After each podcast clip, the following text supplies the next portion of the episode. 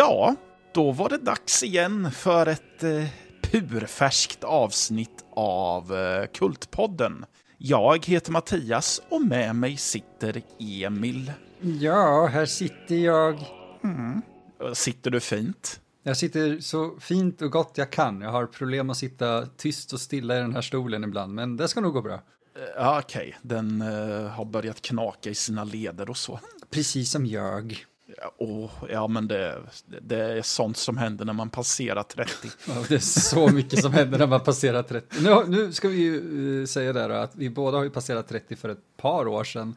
Men det är nu Ja. det börjar märkas ändå att oj, Ja, alltså det här att om du eh, halvligger i soffan i samma ställning för länge är ju hopplöst. För att eh, varenda led knakar när man väl försöker röra dem ur läget de har fastnat i. Ja, exakt.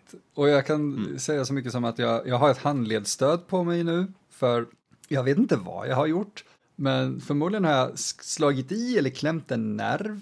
Och så hela liksom, armen egentligen har så här domnat bort i stort. Men handleden är det stora problemet för jag kan inte så vrida handen i vissa vinklar och bära eller lyfta grejer alls. Handen bara funkar inte då. Och så började jag läsa på lite och eh, så här, in, in, man ska inte själv diagnostisera sig själv eh, så, men jag, bara för att läsa på om det så här ska jag söka för det på en gång. Och Ja. då var det förmodligen så här carpal tunnel och det drabbar de flesta i medelåldern. Och så är jag så här, nej, nej, jag, jag är inte där än, jag är inte där än. Lägg av. Ja, just, ja. eh, Jag tänkte på någonting, men jag tänkte att det- är ju inte pensionärspodden det här direkt så. Inte än. Vi kommer Nej, dit inte. eh, snart nog. Vi är på god väg. Eh, Patrik kunde förresten inte vara med idag för att eh, det, han hade förhinder på annat håll. Så det, ni får stå ut med mig och Emil idag. så det blir som, OGs. Ja, exakt, det blir som de gamla originalavsnitten. Wow. Eh, eh, idag så ska vi skruva tillbaka klockan till 1995. Och vi ska prata om eh, Sierra Online och framförallt Roberta Williams eh, skräckspel Fantasmagoria. Yes. Jajamän. Eh, hur ser ditt förhållande ut till det här spelet? Oh, det var en bra fråga. Ehm, Ja. jag tror du och jag spelade det här tillsammans första gången, va? Eh, ja, jag spelade första gången med dig i alla fall. Ja, jag tror, jag hade nog inte spelat färdigt det när eh, vi spelade tillsammans. Jag minns inte riktigt nu, för det, det, det är många år sedan. Ja, det är det. Men vi, vi spelade från en bränd DVD-R. eh, och det här kom ju på typ var det, sju skivor eller någonting. Så man fick gå in och mounta dem på den här brända DVD-R'en eh, Och det funkar förvånansvärt smidigt. Ja, ja, ja, men det minns jag att jag tänkte för mig själv att oj, mounta sju skivor åt gången och så, det låter som en mardröm. Men som du säger, det gick väldigt smidigt. Och eh, jag vill minnas att spelet eh, gick oförskämt bra på den versionen du hade. Det gjorde det, för den var inte, lustigt nog inte moddad eller någonting för, eh, som GOG-versionen som finns ute nu som man absolut inte behöver mounta skivor eller något, det bara flyter på automatiskt. Um, det fungerade otroligt väl för att vara ett spel från 95, på en XP var det då jag hade. Uh, jag tror det enda vi stötte på, och det var ju inte spelets fel i sig tror jag, det var att en mellansekvens kraschade hela spelet, men bara man var snabb nog att klicka i laddningsskärmen som var så här jättekort svart liten skärm bara. Eh, Innan den sekvensen gick igång så kom man vidare. Just det, det kommer jag ihåg. Ja, så jag, Att man, sa, att man satt på helspänn, att oh, nu kommer den, åh, klick. ja, just det, det, det, vi satt båda två och bara, okej, vad, vad, vad beredd- det var typ det mest, inte för att vara orättvis mot spelet då, men det var så här det mest otäcka vi gick igenom under den uh, genomspelningen tror jag. Ja, exakt. Men det är nog Ja. liksom då, alltså jag, jag kommer inte ihåg om det var så att jag såg eh, den kända, numera kända i den, de kretsarna, Spoonie, alltså Noah Antweiler, Let's Playen av Fantasmagoria 2 som ledde mig till att kolla in första. Eh, jag tror bara att jag hörde talas om spelet först via Noah Antweiler och det var inte via Fantasmagoria 2-genomspelningen, utan han gjorde ju en, vad ska man säga, en specialvideo som just pratade om så kallade FMV-spel i stort. Ah, undrar kanske det var därifrån, för han, ja just det, han täckte ju flera sådana grejer. Ja. Ja, för då visade han ju screenshots ifrån vissa och då var det ju framförallt eh, några sekvenser som eh, ja, men det var gore och det såg så väldigt suggestivt ut. Jag tänkte, "Va, vad är det där? Och då fick jag reda på att det är Fantasmagoria 1. Och då kände jag att jag måste verkligen spela det. Oh, För det, ja. för det tilltalade mig så mycket i hur, hur det såg ut, konstigt nog. Och det här var ju ändå 2010, någonting sånt där. ja. Om inte kanske lite tidigare. 9, 10, Så- så, ja. Ja, så det hade ju gått så pass länge så att man inte skulle bli imponerad av det spelets utseende. För att det hade ju åldrats ganska dåligt egentligen rent krasst då. Men det var något med, med hur det såg ut som drog det till mig. Jo, men vi har ju alltid gillat så. uh, Yankee-charm. Ja, och sen att jag tycker att, eh, att det föråldrade utseendet bidrar med en stämning till spelet med. Onekligen. Faktiskt. Ja. Ja, men i alla fall. Spelet är ju, gjort, är ju då designat av Roberta Williams. Det, det är hennes första skräckspel, är det. Eh, och hon ville verkligen göra det för att eh, försöka visa att hon kan skriva något annat än sagoberättelser som hon primärt hade gjort med Kings Quest-serien innan. Men hur många King Quest hade hon gjort upp till den här punkten? Eh, ja, du. Bra fråga. Uh, prata vidare så kollar jag, för det är hysteriskt, jag Ja. vill veta. Det är Ja, sjukt eh, många.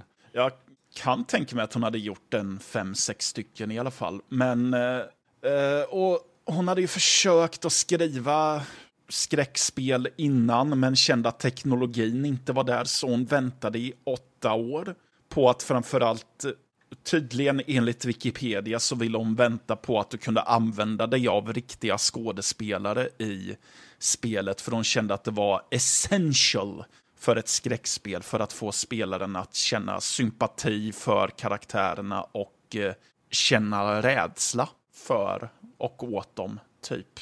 Logiskt.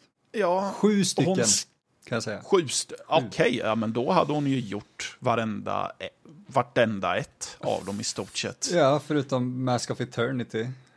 Ja, det här tredje, tredje persons, eh, Ja. eller tredje-aktiga spelet. Ja, men till slut så, hon hade skrivit olika typer av skräckspel. Ett påminner väldigt mycket om Jane Jensens eh, Grey Matter.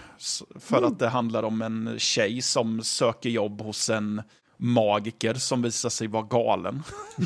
Här Och tant. Grey, Ma- ja, Grey Matter har en liknande eh, berättelse. Inte exakt, men så. Men hon landade i alla fall i det här spelet. Hon hade skrivit ett manus på 550 sidor. Fuck my life. Vilket är typ eh, fyra gånger så långt som eh, ett vanligt Hollywood-manus, i alla fall under den tiden. Jag vet inte om det har ändrat sig så mycket. Att vi har, de är nog lite längre idag med tanke på att vissa filmer är så två och en halv till tre timmar långa, men det är nog, det har nog inte ändrats jättemycket som du säger. Nej, precis. T- Mer än 200 personer var involverade i att skapa det här spelet. Eh, dess originalbudget var på 800 000 dollar. Det slutade med att det kostade 4,5 miljon dollar att utveckla Det låter mycket mer och rimligt. film. Och det filmades i en, eh, i en studio som kostade 1,5 miljoner att eh, bygga. Och, det, och Sierra byggde den studion specifikt för det här spelet. Och jag tänker just när det stack iväg med budget. För Roberta Williams drev ju Sierra online tillsammans med sin man Ken.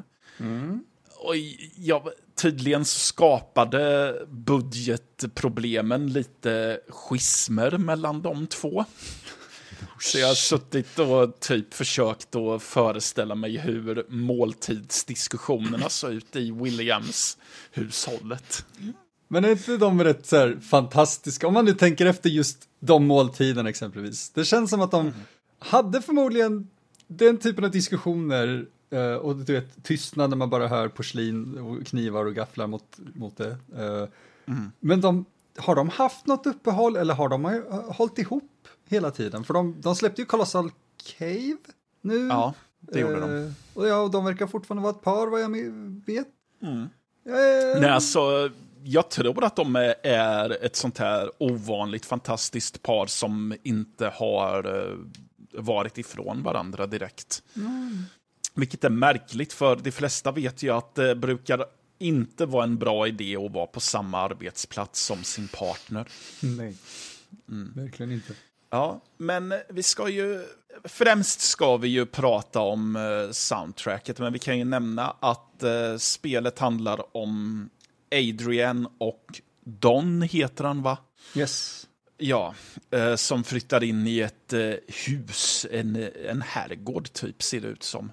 Eh, Typ ett fucking där- slott eller ett här. Alltså det, Ja. det, det, det, vi, låt oss kalla den herrgård för, ja. Ja, ja, mer eller mindre ett slott. Och det har, det har ägts tidigare av en illusionist som het, kallades för Corvo eller något sånt. Nej, det gjorde han. Kor, vad fan, pratar vi om fucking Dishonored helt plötsligt eller?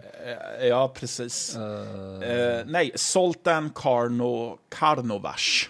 ja. eh, kallades han för. Och Adrian börjar s- råka ut för lite konstiga scener när hon eh, går, syner menar jag, när hon går runt i huset. Hon ser vad den här Karno har gjort med sina tidigare fruar. Nej, nej, alla de har dött mysteriskt får vi veta. Ja, just det. Ingenting ja. fulspel här inte. Absolut inte. Och det blir hon ju inte varse när hon ser visioner av hur eh, deras öden gick till mötes. Ja. Men framförallt så blir eh, Don eh, besatt av någonting. Någonting verkar besitta hans kropp. Och han blir mer och mer personlighetsförändrad tills han eh, ja, går full on Jack Torrance i stort sett. Väldigt bra beskrivning, ja. Ja, och det är ju då spelets handling. Eh, I... Ja, ska vi gå direkt på soundtracket egentligen? Jag sa det till dig off mic lite förut. ja va- vars, varsågod, berätta här nu ja, vad du tänkte. Jag sa, jag sa att jag bad, om, jag bad om ursäkt till dig. Mm. För att eh, jag insåg ju när jag började lyssna på det här, för okej, det inleds ju med eh, stycket Consumite furore. Som är så här, okej, ja men det är en schysst, lite så här, lite rockig eh, operalåt med en gregoriansk kör. Okej, okej. Men sen är det väldigt många spår där man inser att det, här soundtracket är inte direkt framtaget för att du ska sitta och lyssna på det som ett album. Jaså? det blev jag inte varse. Och man blir ju varse det redan vid eh, temamusiken till kapitel 2 och 3 där att oj, det här är inte albumlyssnarmusik överhuvudtaget. Det, det gjorde seriöst ont ibland att lyssna på det. Jag, jag gick och bara försökte sänka hela tiden för jag lyssnade på det via telefonen eh, och mina hörlurar och bara vad fan. Allting är ju öron så här skärande högt eh, även om man eh, försökte sänka det för jag vet inte om det är mixen som är dålig eller om det var just bara versionen jag lyssnade på. Men vissa av de där midi-ljuden fick mig att, att vilja strypa dig, men, men O- oj! Alltså, fan, det, var, det där är helt rätt alltså. Jag är glad att du själv insåg det, man ska säga, just att det här går ju inte att... Det här, det här är inte ett album. Nej, jag ska inte säga att det är olyssningsbart, men det blir Nej. svårt att hålla uppmärksamheten uppe för. Ja, jag märkte ju att man reglerar volymen väldigt mycket, för medvetet så, så är ju framförallt mycket av, ja, förutom första stycket musik där som är huvudtemat. Men sen är det ju väldigt många stycken som är väldigt tysta. Så man så jag reglerade volymen för att det vart så tyst och jag tänkte, men är det inget här? Och så kommer det en liten musiksting lite kort som skär i hörselgången och då sänker man igen. För att sen behöva skruva upp volymen igen. för att försäkra sig om att det faktiskt är musik som håller på. Um, och för att svara på din fråga, jag tror att det är ljudmixen. För det är ju en väldigt brusig historia det här. Ja, det kan vi ju säga faktiskt att om man ska lyssna på det här soundtracket så finns det dessvärre bara, om man ska säga, game rips eller åtminstone det som är ifrån slutprodukten för att enligt mm. uh, kompositören själv, vad jag kunde få fram, vad hette han nu igen, Mark Seibert, så mm. uh, finns dessvärre inte originalbanden, eller man ska säga mastertapesen finns inte kvar. Uh, Nej, och det, ja. det, är, det är synd, för jag hade velat att man skulle göra en lite mer albumanpassad mix av musiken. Ja, det tror jag faktiskt att det hade mått bra av. Ja definitivt, för det, det blir ju väldigt eh, daterat på ett sätt. Men, men konstigt nog så är det vissa spår som jag nästan tycker är... Eh, som jag nästan tycker får en viss stämning på grund av att det är så brusigt och eh, vad ska man säga, low-fi eh, är väl fel ord egentligen, för det är en väldigt välproducerad musik egentligen för sin tid, men Ja, men det kan, alltså, det, lo-fi kan vara välproducerat. Det, det, ja. det är väl just att det, den tekniska, det tekniska vidundret som var video på CD eh, vid den här tiden ja. gjorde väl att de kanske inte riktigt tänkte på hur ska vi få ljudet så bra som möjligt utan att komprimera skiten ur det.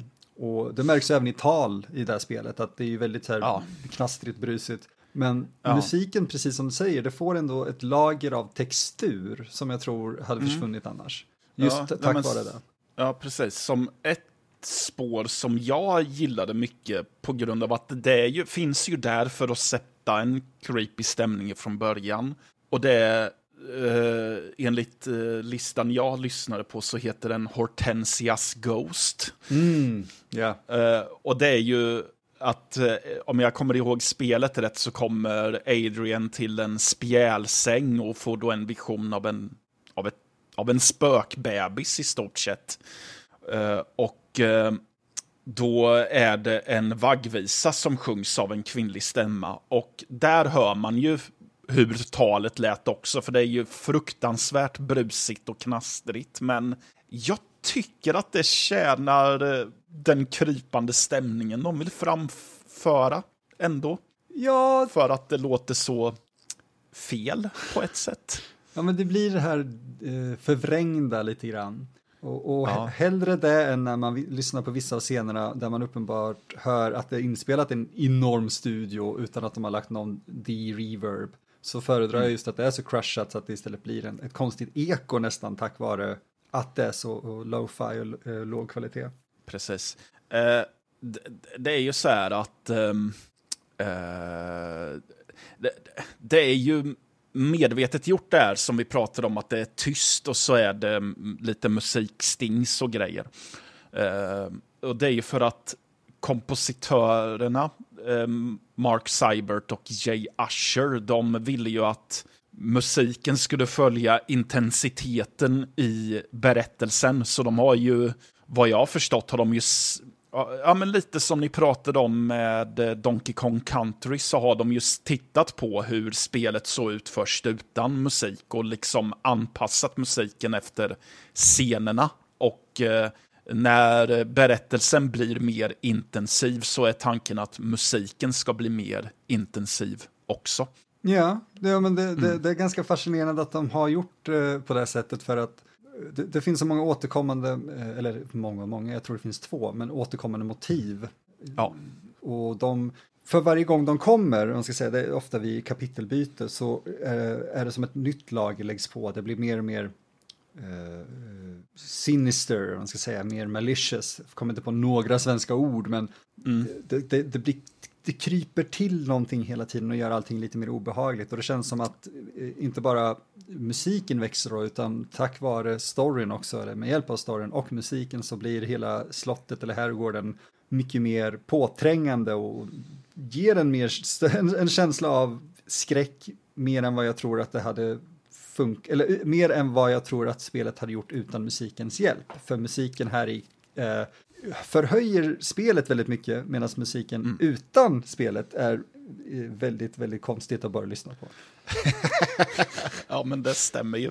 Men jag gillar ju i de senare kapitlerna där man hör att det är en eh, väldigt det, det, är nästan alltid en väldigt oskyldig melodislinga som spelas. Och sen så kommer det basiga stråkar och basdrönarljud som eh, ligger i bakgrunden som gör så att det, det blir som en eh, väldigt skön diskrepans, tycker jag, mellan det här finstämda och det väldigt elaka. Mm. Som gifter sig väldigt bra till, framförallt när man gör en, någonting som har med skräckfiktion att göra. Oh ja. Eh, ja. Så, eh, jag tycker att det är fascinerande, för jag har ju såklart, det är väl nästan lite fusk att sätta Consumite Furore som eh, ett favoritspår, för att det är ju ett av få det är en av få riktiga låtar i det här soundtracket. Vet du, vi kan gå in på våra favoritspår nu, bara för att eh, få ja. det överstökat. För ja, jag, jag, jag, gav mig, jag gav mig själv så här, en vettig, om man ska säga, från det här soundtracket låt. Eftersom det finns typ ja. tre kanske, eh, ja. väljer jag att sätta eh, eh, på min lista. Och det är just den. Temalåten är fantastiskt jävla bra. Ja, jag har ju satt den där också. Och eh, jag ska erkänna att det var ju just den här temalåten som var väldigt mycket anledningen till att jag kom på att jag ville prata om det här soundtracket. Mm. Och tänkte inte så långt på hur resten av musiken lät, för det kommer jag faktiskt inte ihåg. Nej. För den här är så... Alltså den här är som, en, som ett slag i ansiktet ungefär. Ja, men den är verkligen det. Ja, precis. För den, det är lite rockopera nästan. Och så har de en neogregoriansk eh, kör typ. Som består av 105, 100, 135 röster tydligen. Wow. Ja, verkligen. Och eh, det är ju en text på latin. Jag researchade lite och consumite furore betyder typ konsumera i ilska. Oh. Eller consume in, in fury. Och eh, textraden är typ eh, jag åkallade jag ande eller något sånt där. Det, det så, det är, så det är som en eh, ritual eh, chant nästan. Vilket passar väldigt bra till eh, vad vi ska ta del av rent handlingsmässigt, om man säger så. Verkligen, jag hade ingen aning om det. Det är ju faktiskt extremt passande. Ja, jag gjorde ju så att jag googlade ju fram latintexten och sen så körde jag den i Google Translate mm. för att se. Och eh, ja, det, det är en eh, väldigt schysst text tycker jag, om man, vill, om man gillar när det är lite rituellt och det gör ju jag i alla fall. Det känns, Men, man, man, kan liksom ta och göra det till en, en, en riktigt jävla rå metal-låt liksom. Ja, ja, definitivt. Jag har ju till och med använt den här under, när jag gick eh, på Marieborg så hade vi ett projekt som vi kallade för ateljéprojekt. Mm. Och då till den föreställningen jag gjorde så använde jag den här låten vid ett tillfälle. Fan vad nice! Jajamän. För jag kände att äh, jag måste ha den, för jag har alltid älskat just den här låten. Jag blir, jag blir glad av att höra den, plus att jag också tycker att den är så pampig och stämningssättande. Så. Oh, ja. Det, mm. Jag vill bara flika in då med att eh, när jag gjorde mitt eller vårat slutprojekt på teaterlinjen när jag pluggade så hade vi jag, jag lyckades få igenom en låt som är så här, nej två låtar som jag verkligen bara okej okay, det här måste vi ha. Men den låten jag tänker på var eh, temat till Cannibal Holocaust. Så jag är glad att ja. vi båda har fått igenom temalåtar från kultgrejer eh, in i finrummen, om man ska säga. Det känns bra. Ja. Jag försökte ju också i vårat slutprojekt på teaterpedagoglinjen när vi, recenserade, när vi regisserade våretyder så försökte jag få med Cannibal Holocaust-ledmotivet också. Uh, inte den akustiska biten, utan när den blir mer orkestral, mm. om man säger så. Men eh, eh, jag lyckades inte övertala min regipartner om det. Ja. Du! Inte du, utan din regipartner. Ja, det, det, det, jag såg det som ett misslyckande. Men ja, ja. Det som är synd dock med den här låten är ju att det är ju, det är ju nästan ingen, det är ju ingen musik på soundtracket som kommer i närheten av den här rent stilmässigt. Även om jag vill minnas att det var musik jag saknade. Ja. För, för jag vill minnas att i slutet av spelet när man blir jagad av både en, ja spoiler, både en demon och Don, så vill jag minnas att det finns körarrangemang som eh, dyker upp i några mellansekvenser. Som är lite kortare förvisso, men de eh, hörde jag inte under min genomlyssning nu. Eh, jag funderar på om de är med någonstans i soundtracket, men kanske mer som ljudeffekter just för att det är så korta sekvenser. Att det är mer åt ett dynamiskt håll baserat på vad man väljer istället för att ha, du vet, 20 olika mp3-filer eller vad de nu hade då.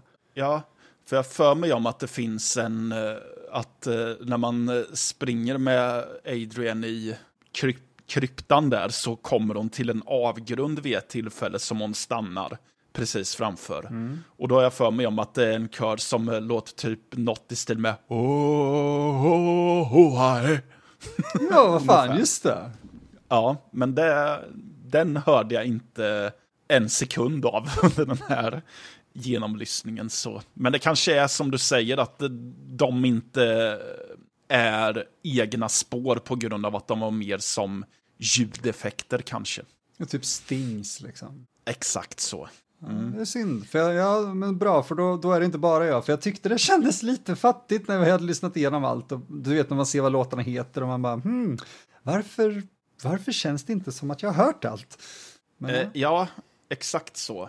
Ehm, ja, sen när det gäller fler eh, favoritgrejer. Jag har, ja men jag tar en som jag gillade på grund av att den, den bryter av väldigt mycket från all spänningsmusik och att åh, nu ska det vara jobbigt och otäckt.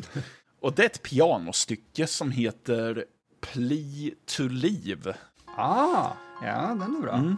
Och det är för att jag, jag gillar att det, ja men som sagt, den bryter av från att vara otäck till att vara mer ren melankoli.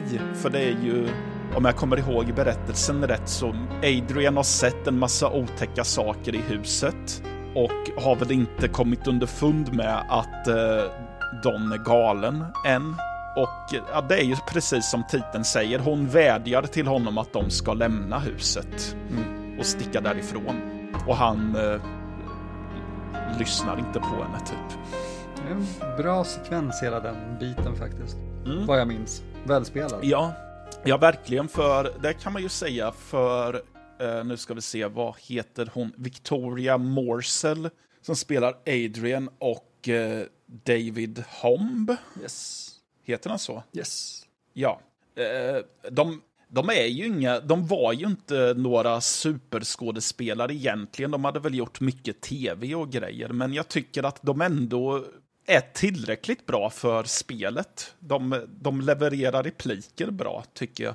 Jag, tycker hon gör det. Han får Ja. jag väldigt, väldigt mycket upp och ner eh, för. Eh, Ja. Det, det, när han ska vara mer besatt och, och, och, och otäck så tycker jag att han...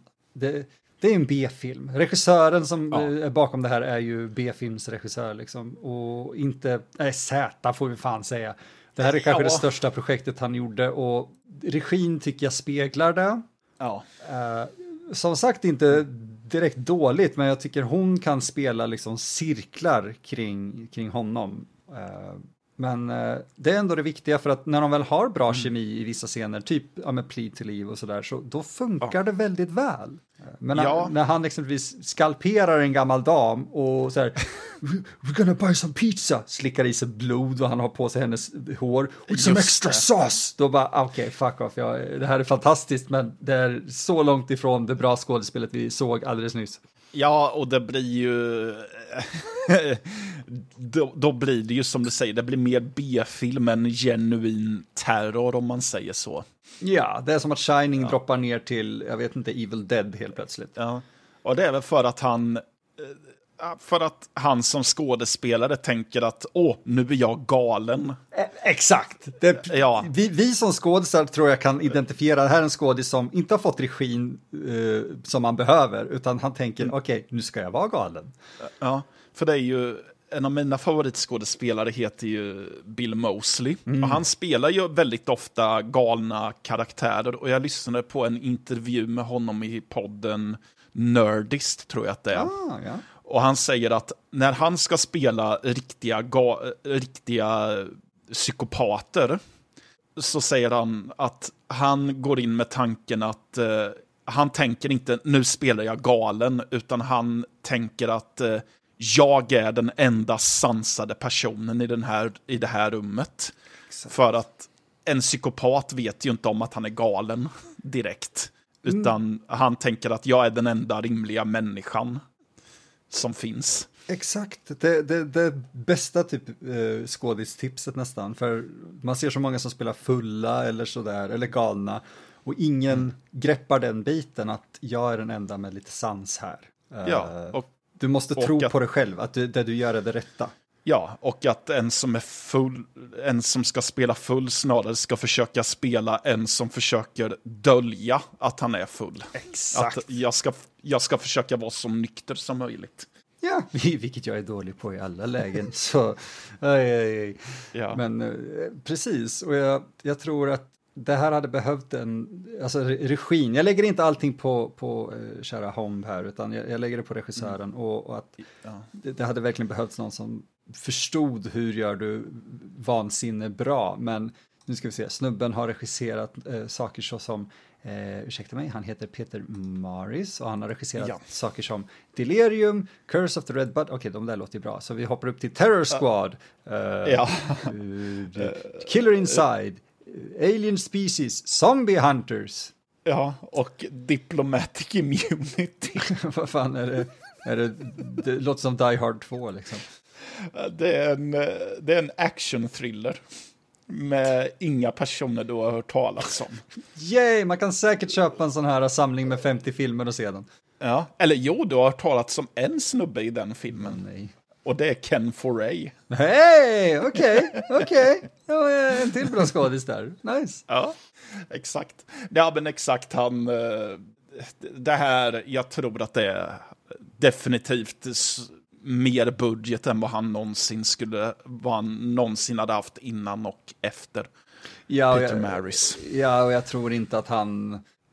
Jag tror inte han hade mycket kreativ input egentligen. Eh, han känns inte som någon de valde för att han var en duktig skräckregissör. Han känns som någon de valde som kan genren lite grann, men som de kan styra. Vilket, alltså jag förstår Williams helt och hållet. Någon som Ja. Sera kan styra till att göra vad de vill. Och det verkar han ha gjort. Eh, Ja, exakt så. Verkligen en Men- director for hire liksom.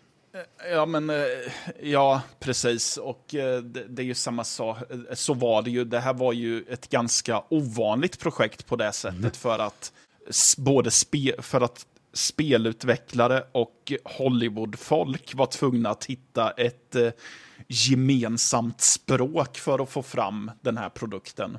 Vilket ändå är konstigt för det var inte det första eh, så kallade full motion video spelet, det vill säga att man har eh, riktiga skådespelare i 3D-miljöer. För man hade ju ändå gjort eh, Wing Commander 2 och eh, Tex Murphy 3, Under a Killing Moon. Ja, Fast båda de är ju väldigt mycket mindre, tänker jag, i scope, va? Ja, jo, det är sant. Om man säger, det, det tar ju den här Wikipedia-artikeln upp att de flesta spel har ju ofta 80 till 100 bakgrunder i spelet. Ja.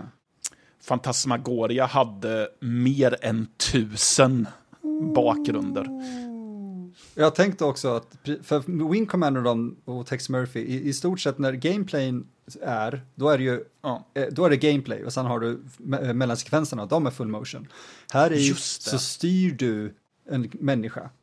Ja, just det, det, det har du faktiskt rätt i. Ja, det, det är lite den Ja. här hur får vi henne att gå i rummet fast rummet inte finns. Eh, för, eh, eh, ja. I bakom material vet jag att de har pratat om att ja, men det kunde gå jättebra. Sen så gick Adrian ett steg, eller Victoria ett steg för långt och helt plötsligt stod hon i en blomkruka. Hon visste inte om det, för hon såg inte det, för hon såg ingenting förutom ett stort blått rum. Så Ja, just det är väl den liksom, metodiken att vi måste hitta ett gemensamt språk som funkar för oss som designers, att här ska du kunna gå och interagera med saker och för film, här ska du kunna gå. Ja, exakt så jag menar. Det var någon producent eller något sånt som sa att ja, det här var ett... eh, Det här var mer problemlösande och eh, damage control än vad han någonsin hade kunnat föreställa sig. För det var, jag tänker att det måste ju nästan ha varit en teknisk mardröm det här. För att de försökte göra saker som ingen direkt hade gjort ingen, innan. Exakt, och det, det intressanta är att det är vi Seibert själv som säger det. För att eh, Ja. han var ju, utöver att vara kompositör tillsammans med, eh, eh, så var han project manager tillsammans med Mark Hood. Och jag, jag kan inte föreställa mig eh, att, att försöka, du vet, managera ett sånt här projekt utan att skapa åtminstone 15 fiender per dag. Ja, eh, ja definitivt. Det, det är fullständigt, alltså det här spelet är egentligen sånt där vi borde prata om mer ingående som ett avsnitt, eh, ett reguljärt avsnitt, men för, för det är så mycket historik bakom det, det finns böcker om det och som tur är eh, så finns det faktiskt som, eh, eh, om man ska säga lånebok, genuint Ja. lånebok, eh, på archive. punkt- Vad blir det? Archive.org så finns Phantasmagoria, the official Sierra Insider Guide, skriven av, vem tror du Matte, om inte Lorelei Shannon? Oh. Ja, för er andra som inte vet vem det är, det är hon som eh, eh, bland, alltså hon jobbade med mycket Sierra-projekt, men bland annat skrev Fantasmagoria 2. Och den här boken, jag hann inte läsa den nu för jag hittade den typ fem sekunder innan vi började spela in. Eh, men den finns på archive.org och innehåller intervjuer och lite bakom scenerna och sådär, så det finns garanterat grejer där i eh, om man är mer intresserad om det. Och jag hade jätt- jättegärna hunnit läsa på inför det här avsnittet egentligen. Men vi har ju även, eh, som vi stolt kan eh, flagga med, vi hade ju en intervju med Paul Morgan Stettler som man spelar som i Fantasmagoria 2. Han har ett projekt som heter Conversations with Curtis, mm. eftersom hans karaktär från tvåan heter Curtis, på YouTube. Och man kan, eller rättare sagt, han bjuder in mängder av folk eh, från FNV-dagarna och sådär. Och en han har med är Victoria Morcell. Medan de, Oh. eh, ja, de har ett vanligt, David Humb o- också, det är mängder av coola människor. Men han och Victoria har spelat igenom Fantasmagoria och Fantasmagoria 2 tillsammans. Fan vad kul. Ja, så hon har säkert massa coola tidbits och grejer att berätta om eh, i de Let's Playsen. Ja, exakt. Men eh, har du något mer spår förutom då året som du vurmar lite mer för? Ooh, jag har, alltså fan, efter ett tag var det så här, jag, jag kommer, hör jag en till midi-klaviatur så blir jag förbannad. Eh, Ja. Och eh, jag överdriver lite grann, men wow. Så, så, Det var, det var bland annat därför jag valde Play to Live. jag, jag förstår det, för att Ja. den, den hade inte den typen av, hej, jag skär dig i örat, i trumhinnan. Eh, men jag fastnade för eh, The Chapel. Ah, Ja, den är väldigt basic egentligen. Eh, Väldigt, det kanske var det som var så skönt. Väldigt basic, väldigt lågmäld och jobbar mycket med typ bas och så här, an, vet du det, kör i princip.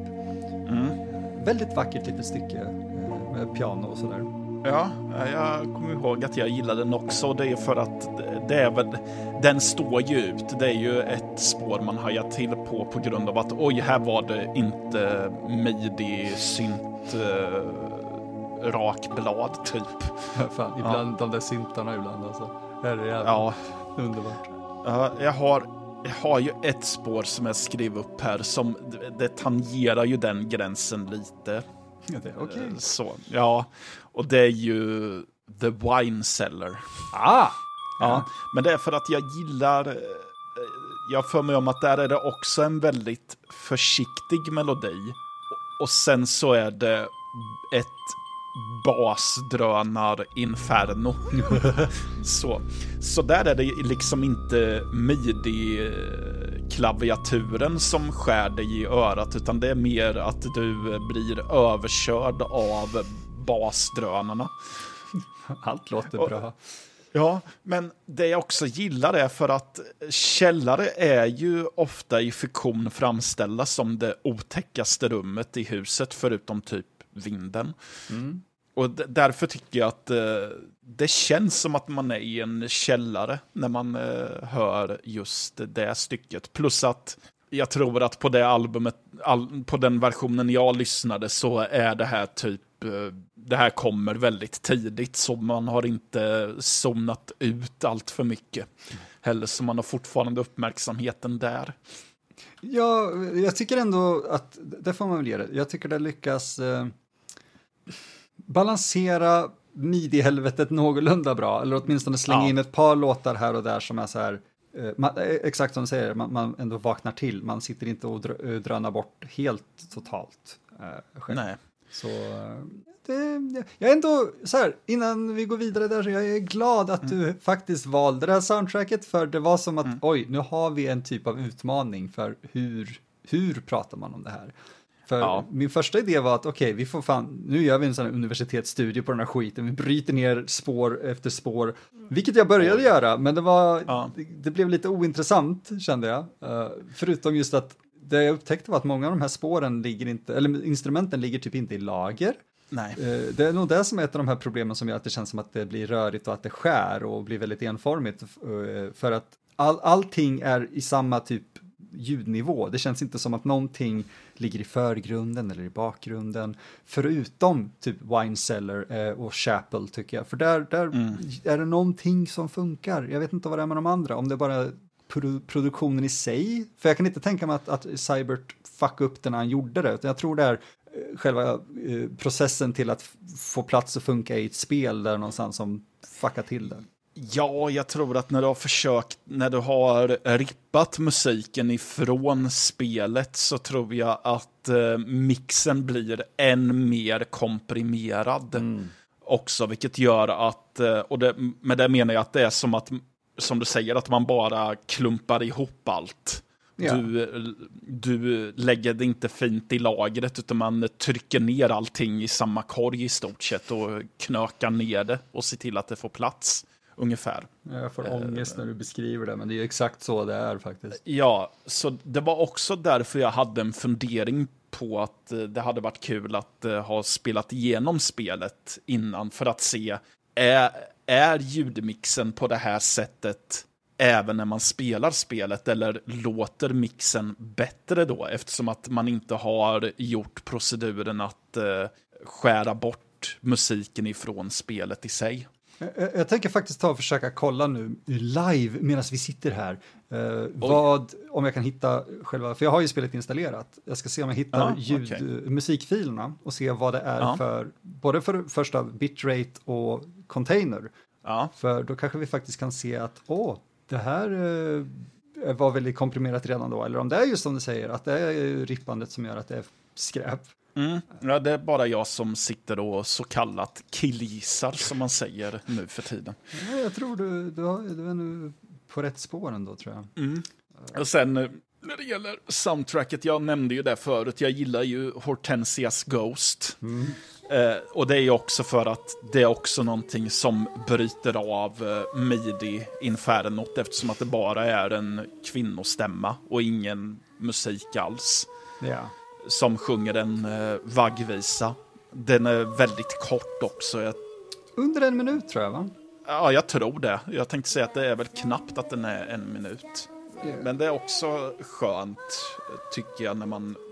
Det, det är väl också varför jag valde den som en eh, favorit, för det blir ju att den står ju ut mot alla andra, vilket gör att då kommer jag ihåg den mer. Precis. Men jag tycker att det är en väldigt eh, fin eh, stämma som sjunger den. Jag har inte framför mig vem det är som sjunger, men med tanke på vad vi också pratade om off mic förut, så kanske det inte nödvändigtvis är en kvinna som sjunger det. Men vi fick ju reda på att slutlåten sjungs av Cybert själv, vilket är Ja. fantastiskt. Precis, och det är ju låten Take a Stand. Eh, Ja, den är ju väldigt, ja vad ska man säga, 80-talspop med lite eh, rockinfluenser. Ja, alltså den känns som att den överlevde och användes inte till någonting under 80-talet och sen så fick han en chans att bara forcera in det i någonting och då var det Fantasmagoria.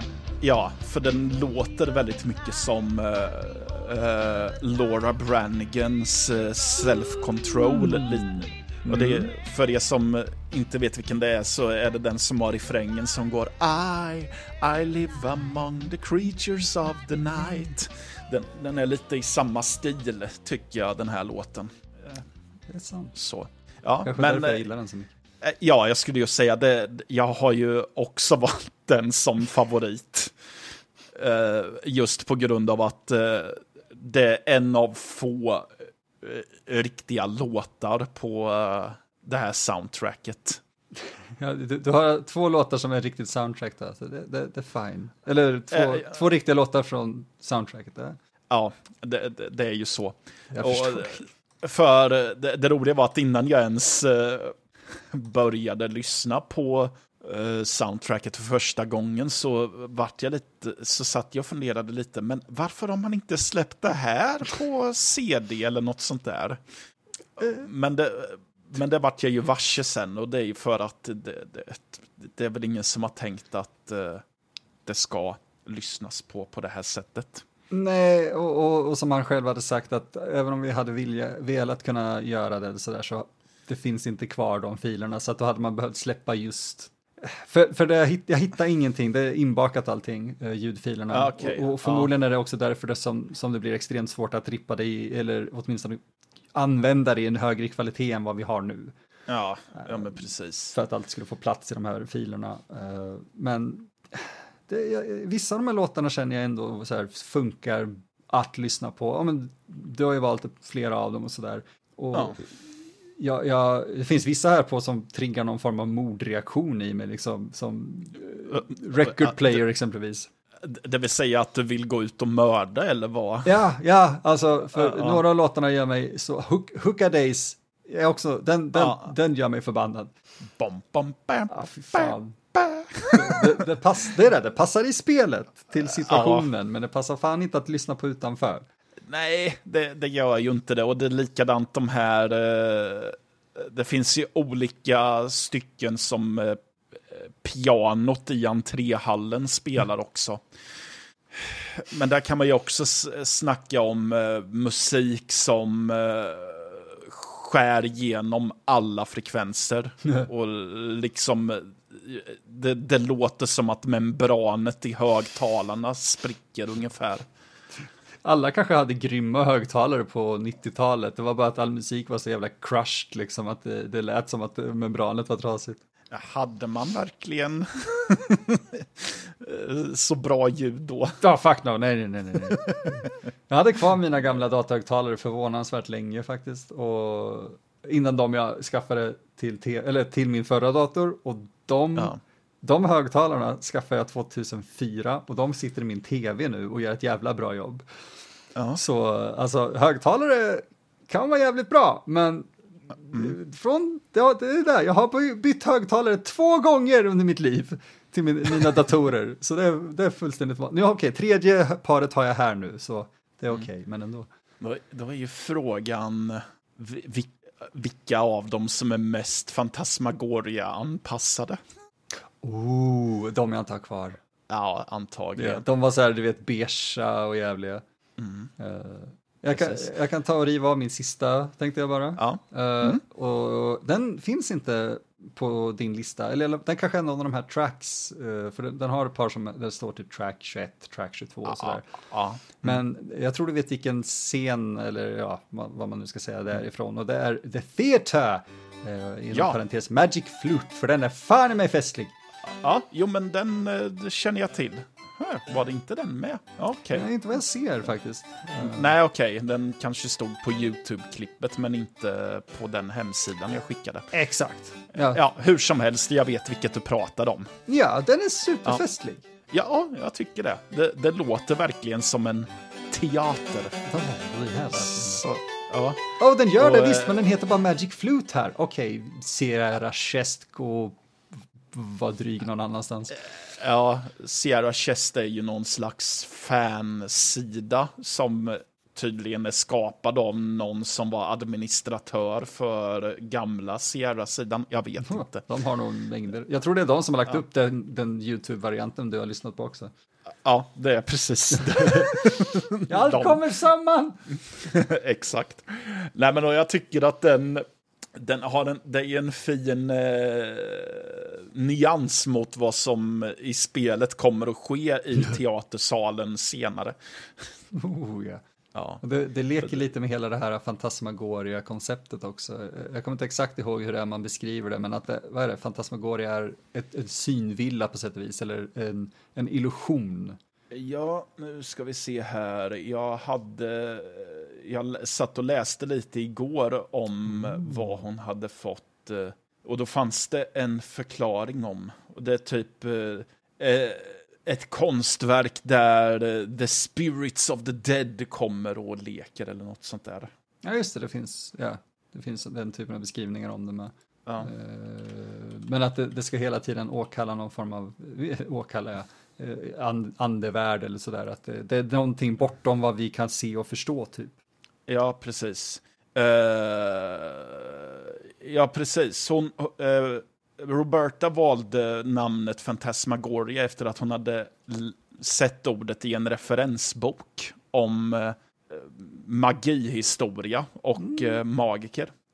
Och eh, the term refers to a 17th century theatrical horror show in which spirits of the dead were revealed in a darkened theater by the use of a modified magic lantern. Tydligen. Ja. Det, det låter ju högst rituellt. Det låter som den tidens specialeffekter. Ja, ja. Men eh, ja, det, det vill jag ju ändå säga om spelet, att jag, jag gillar ju specialeffekterna. Ja, de är ja, ja. eh, faktiskt helt jävla otroliga. Ja. Både de fysiska och faktiskt de här Silicon Graphics 3D-modellerna som de har av huset och interiörerna. Eh, interiörerna. Det är fantastiskt. Ja, precis. Och specia specialeffekterna var gjorda av eh, en, leddes av en snubbe som heter Rick Lazzarini. Ja. eh, Han har tydligen eh, gjort saker inom film, men jag har inte riktigt hittat vad han har gjort i så fall. Okej, nej det är Mm. inget jag känner till. Man brukar ändå typ känna till de som jobbar inom alltså, de här typerna av effekter. Ja.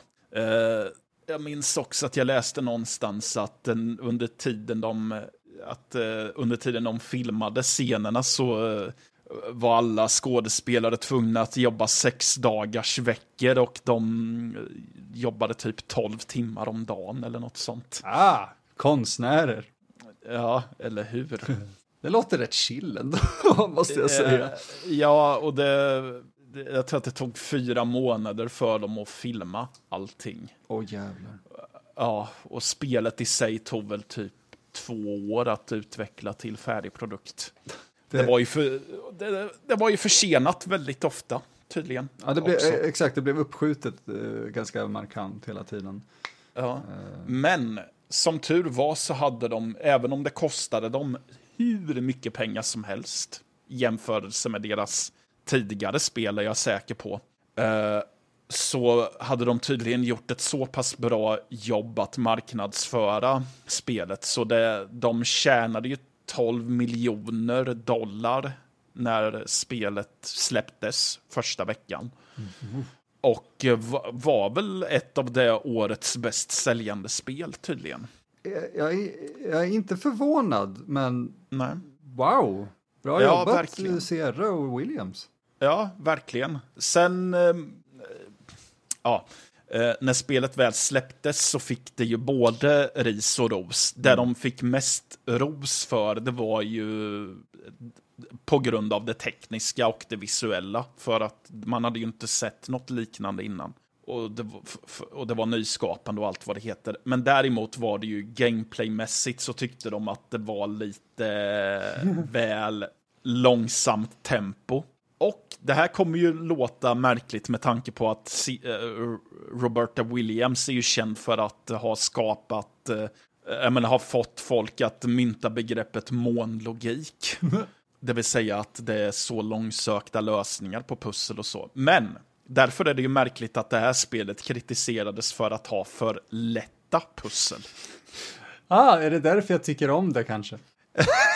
Ja, kanske det. Ja, men jag, jag, jag, tror, hade man försökt att ha Moon Logic i den här typen av spel, uh, alltså fan jag hade blivit förbannad om jag jobbade på produktionen och bara, vet du, kan vi bara få det att se ut som att hon lyfter någonting vettigt istället för att försöka göra något som är fullständigt ologiskt också? Ja. Uh, spelet hade ju dessutom något så ovanligt som en inbyggd hintfunktion. Du har ju en dödskalle du kan klicka på som ibland ger dig subtila ledtrådar och ibland ger dig lösningen flat out. Ibland, I stort sett. Ja, han låter så förbannat trött ibland. Typ, ja. The key leads to the kitchen door. Bara, tack.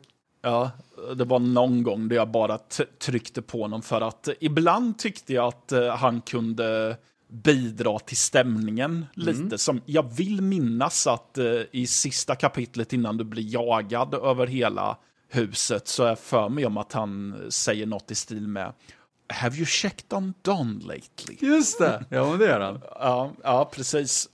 Så det, det bidrar ju till stämningen, men jag minns att det var en gång då han sa typ gå till det här rummet, det finns ett objekt vid fönsterbrädet som du ska ta. Och det var så här, wow, tack. Uh, eh, Mr Skalle.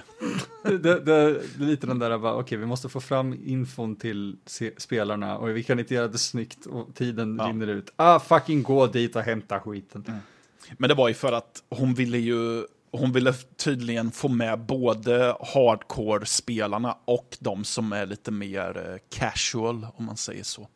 Ja, men också. det tycker jag ändå att hon gjorde bra med det här. Ja, jag tycker det. det så. För sin tid tycker jag att det här borde nästan ha varit lite mer av en frisk fläkt sett framförallt till Sierra. Att, eh, för Sierra är ju kända för att uh, ha månlogik och du kan bli softlockad och allt vad det heter. Men det kändes som att det här spelet liksom försökte motarbeta det.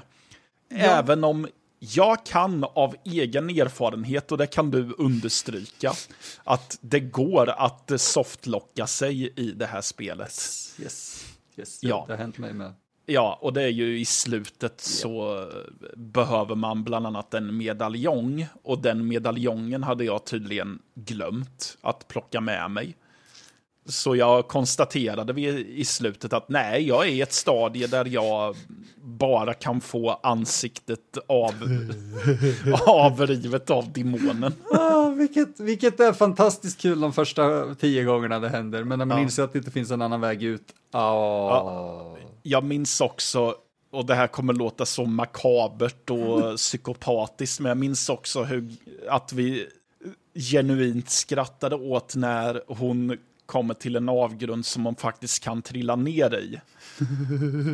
och, och man hör henne skrika när hon faller ner, men sen det crunchiga ljudet som kommer när hon slår, slår ner i botten var så högt så att reaktionen vi båda två gjorde var att garva.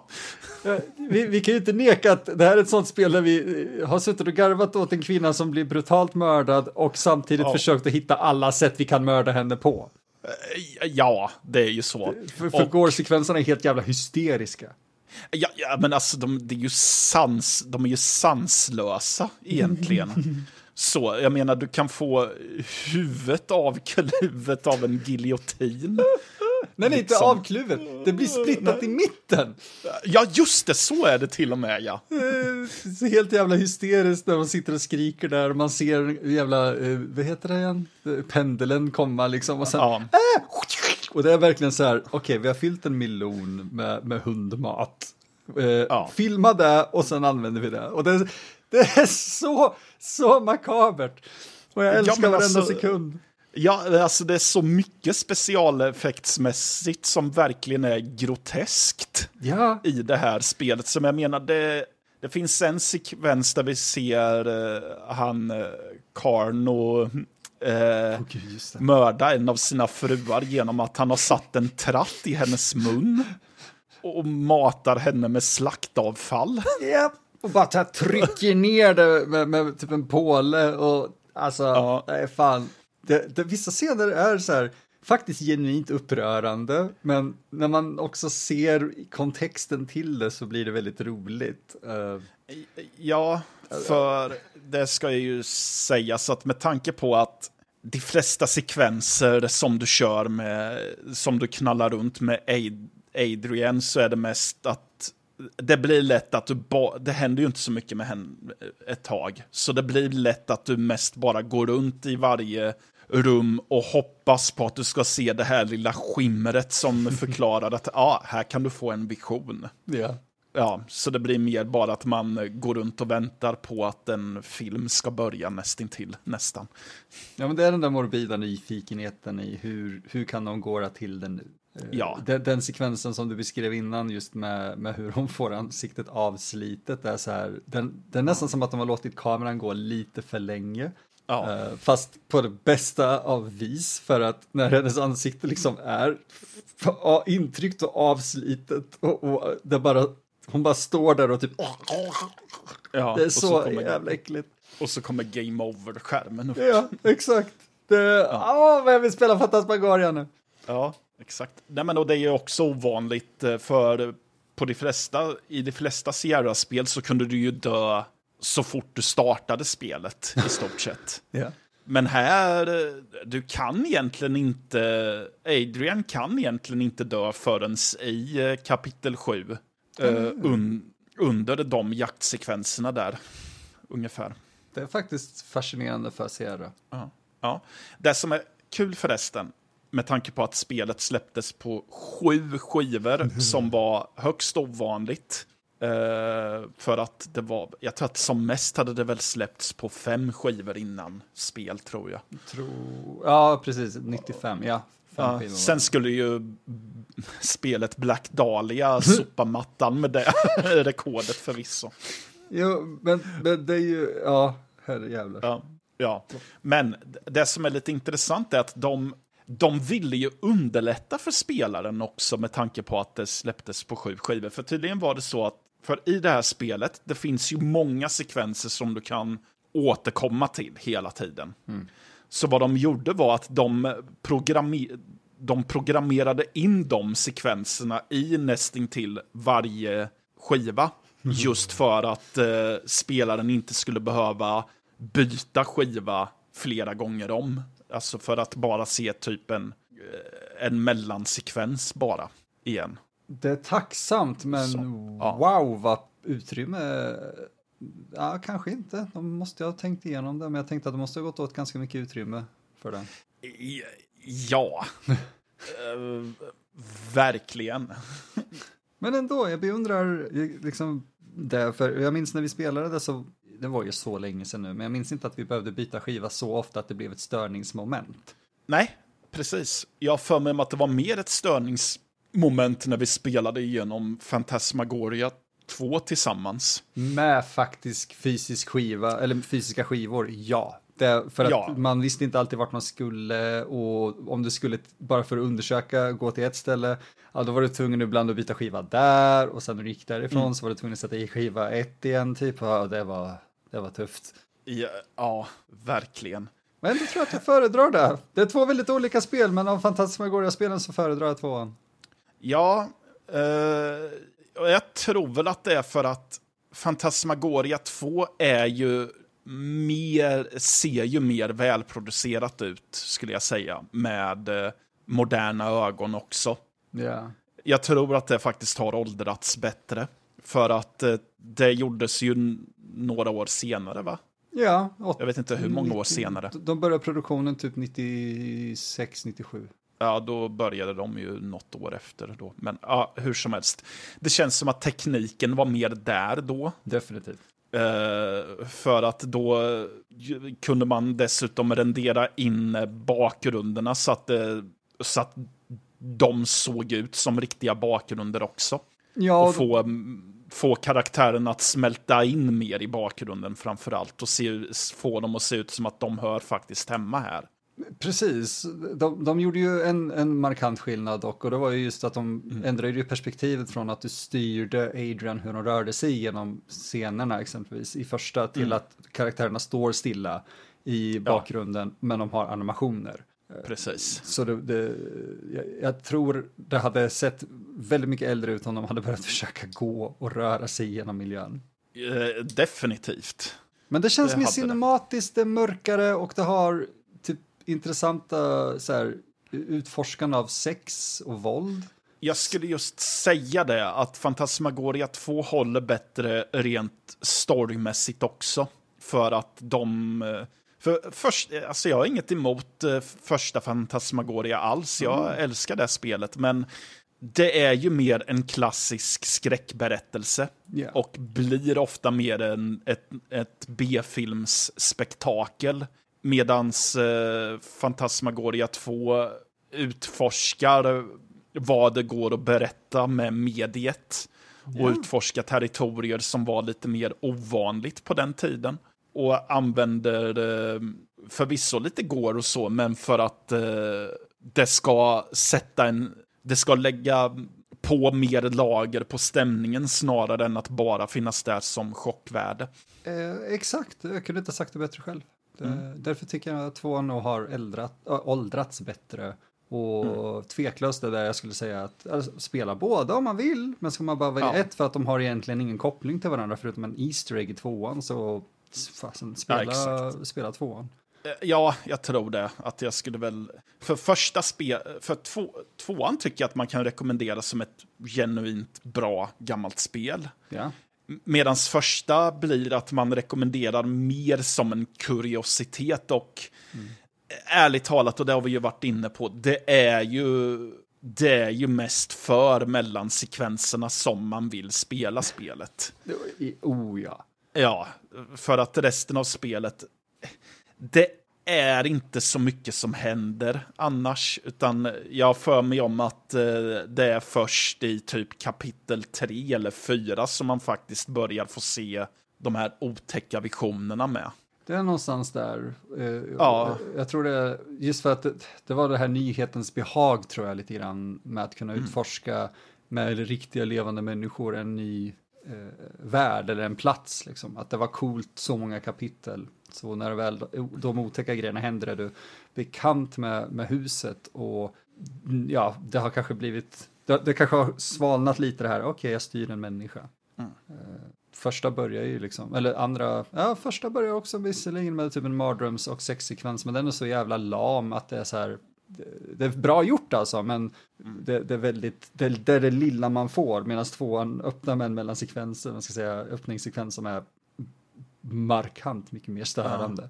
Och första spelet har ju dessutom ett, eh, har ju en ganska kontroversiell våldtäktsscen också. Ja, ja. Eh, tvåan har sina kontroversiella scener, men jag Ja. tror inte att det någonsin mm, rör våldtäkt i alla fall. Det rör sex och Ja, det är- BDSM och så, men inte våldtäkt. Nej, exakt så. Eh, och, ja, och det var ju flera som försökte få Roberta Williams att ta bort våldtäktsscenen också. Men hon menade på att den tjänar ett väldigt starkt syfte i berättelsen. Ja. För att hon menar på att det är först då som det verkligen går upp för Adrian att det är någonting som är fruktansvärt fel med min fästman. Det, det, Så. det är så vi alla innan det hände, men okej. Ja, och, ja, jo, men och Men- menade på att eh, resten av berättelsen inte uh, makar sense om eh, inte den sekvensen är kvar. Nej, den, den agerar lite som en eh, mer explosiv, alltså ett, sätt att uttrycka att det är någonting fucked up med en karaktär och jag tycker ändå att hon hanterar det så väl man kan med det. Jag litar mer på eh, Lorelai Shannon i så fall, alltså eh, författaren till tvåan egentligen, att jobba in sånt i en story bättre, för hon verkar kunna de grejerna väldigt väl. Uh, Williams använder det lite som ett slagträ, men på mm. ett så här lite nästan magiskt och fantasy Sierra way. Och det känns ja. så skumt att säga, men det är så det känns. Ja. Uh, tydligen släppte spelet med en uh, med en uh, lösenordsskyddad med ett lösenordsskyddat censuralternativ. Oh. Så att du kunde tona ner det grafiska innehållet. Men vad är då poängen med att spela det? Jag kände, lite där nu när du säger det, att vad fan, vad, vad, vad sitter jag här och klickar mig igenom en halv okej okay 3D-miljö för i så fall? Ja. Jag, jag ger spelet att det är snyggt och, och så, alltså baserat på tid och vad de lyckades göra, men, men tar du bort det, då tar du ju bort så mycket av skärmen. Eh, exakt så. Eh, det är ju som jag har säkert pratat om det förut när jag köpte Schwarzenegger-filmen Commando på DVD mm. i någon samling.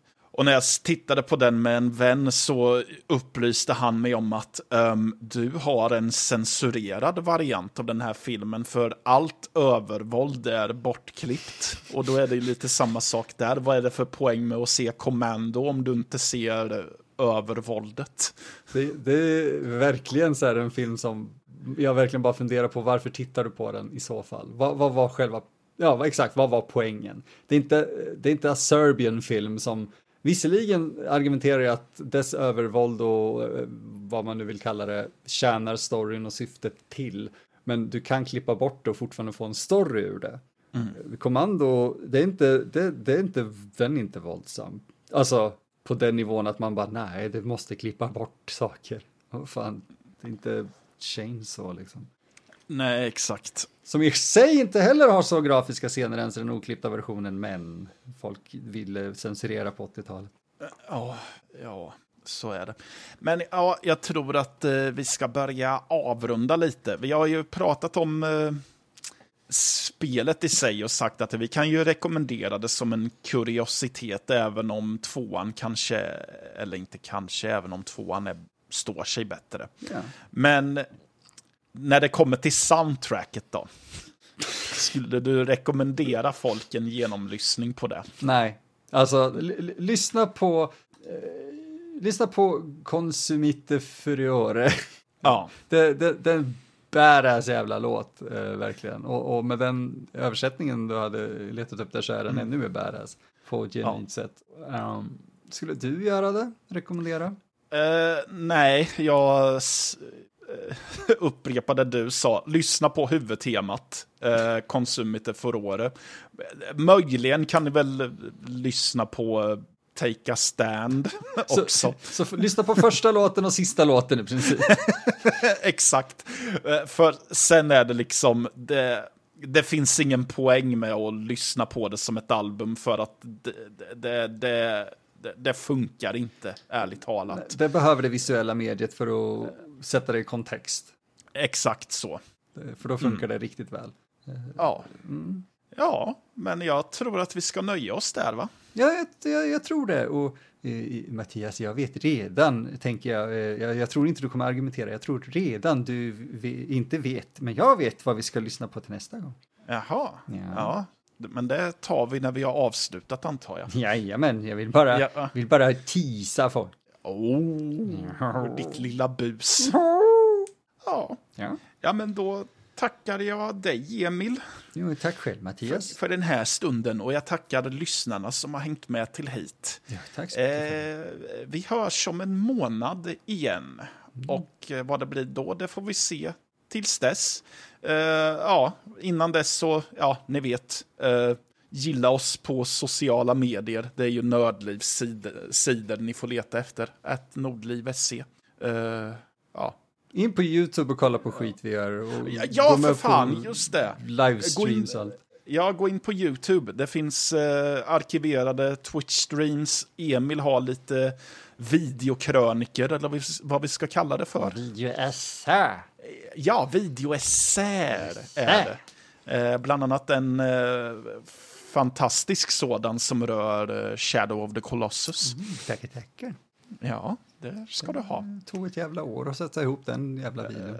Ja, Av olika anledningar. Men den blir jag jätteglad om ni går in och tittar på faktiskt. ja precis. Eh, ja, nej så gör allt det där. Hoppa gärna in på vår Discord med för den delen. Ni går in på www.nordlivpodcast.se och så finns det en direktlänk till Discord som kastar er rätt in i det trevliga, nördiga eh, umgänget som finns där. Rakt in i famnen på Mattias.